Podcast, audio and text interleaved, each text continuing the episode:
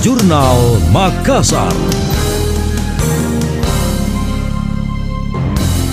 Saya Emil Faris dalam Jurnal Makassar. Sebanyak 40 pejabat pemerintahan mulai bekerja setelah dilantik oleh Wali Kota Dani Pomanto Kamis 7 Oktober 2021. Mereka mengisi jabatan Sekretaris Dinas, Kepala Bagian, Sekretaris Camat, dan Kepala Bidang. Dalam sambutannya, Dani Pomanto memberi perhatian tumpukan sampah yang kerap terlihat di jalanan. Sekretaris Camat yang baru mendapat tugas menyelesaikan masalah tersebut. Dia menekankan untuk memantau kebersihan di wilayahnya masing-masing. Selain itu melakukan investasi inventarisasi dan melaporkan kondisi kendaraan pengangkut sampah yang ada. Dani menegaskan masalah sampah dan kebersihan di Makassar masih menjadi sorotan dan pekerjaan rumah bagi pemerintah yang perlu diselesaikan. Harapan Wali Kota Makassar untuk menjadikan semua titik bersih dari sampah bisa diwujudkan jika semua bekerja dan seluruh personil sigap mengangkut sampah warga. Ya, tadi sampah yang saya tekankan di Sekcam. Makanya saya segera uh, bikin grup khusus Sekcam untuk mengurus sampah ini.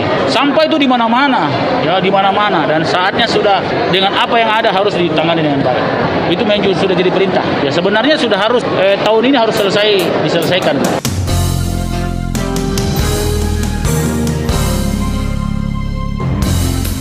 Dalam keterangan resmi yang diterima, ada 40 pejabat eselon 3 yang dilantik. Beberapa di antaranya Sekretaris Balik Bangda Makassar Muhammad Hatim, Sekretaris Dinas Kesehatan Dr. Irma Haddade, Kepala Bagian Administrasi Pembangunan Multiati, dan lainnya.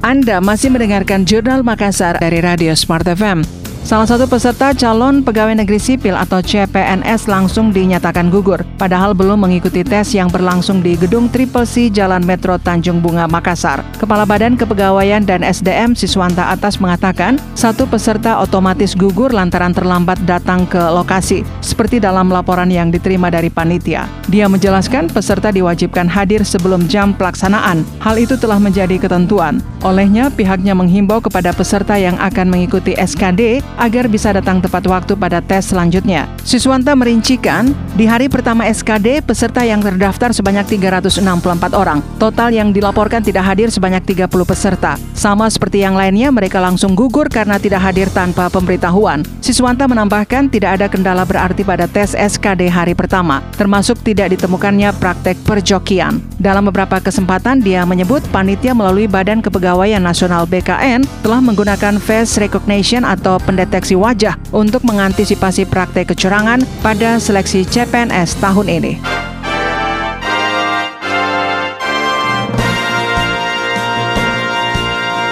Demikian tadi, Jurnal Makassar.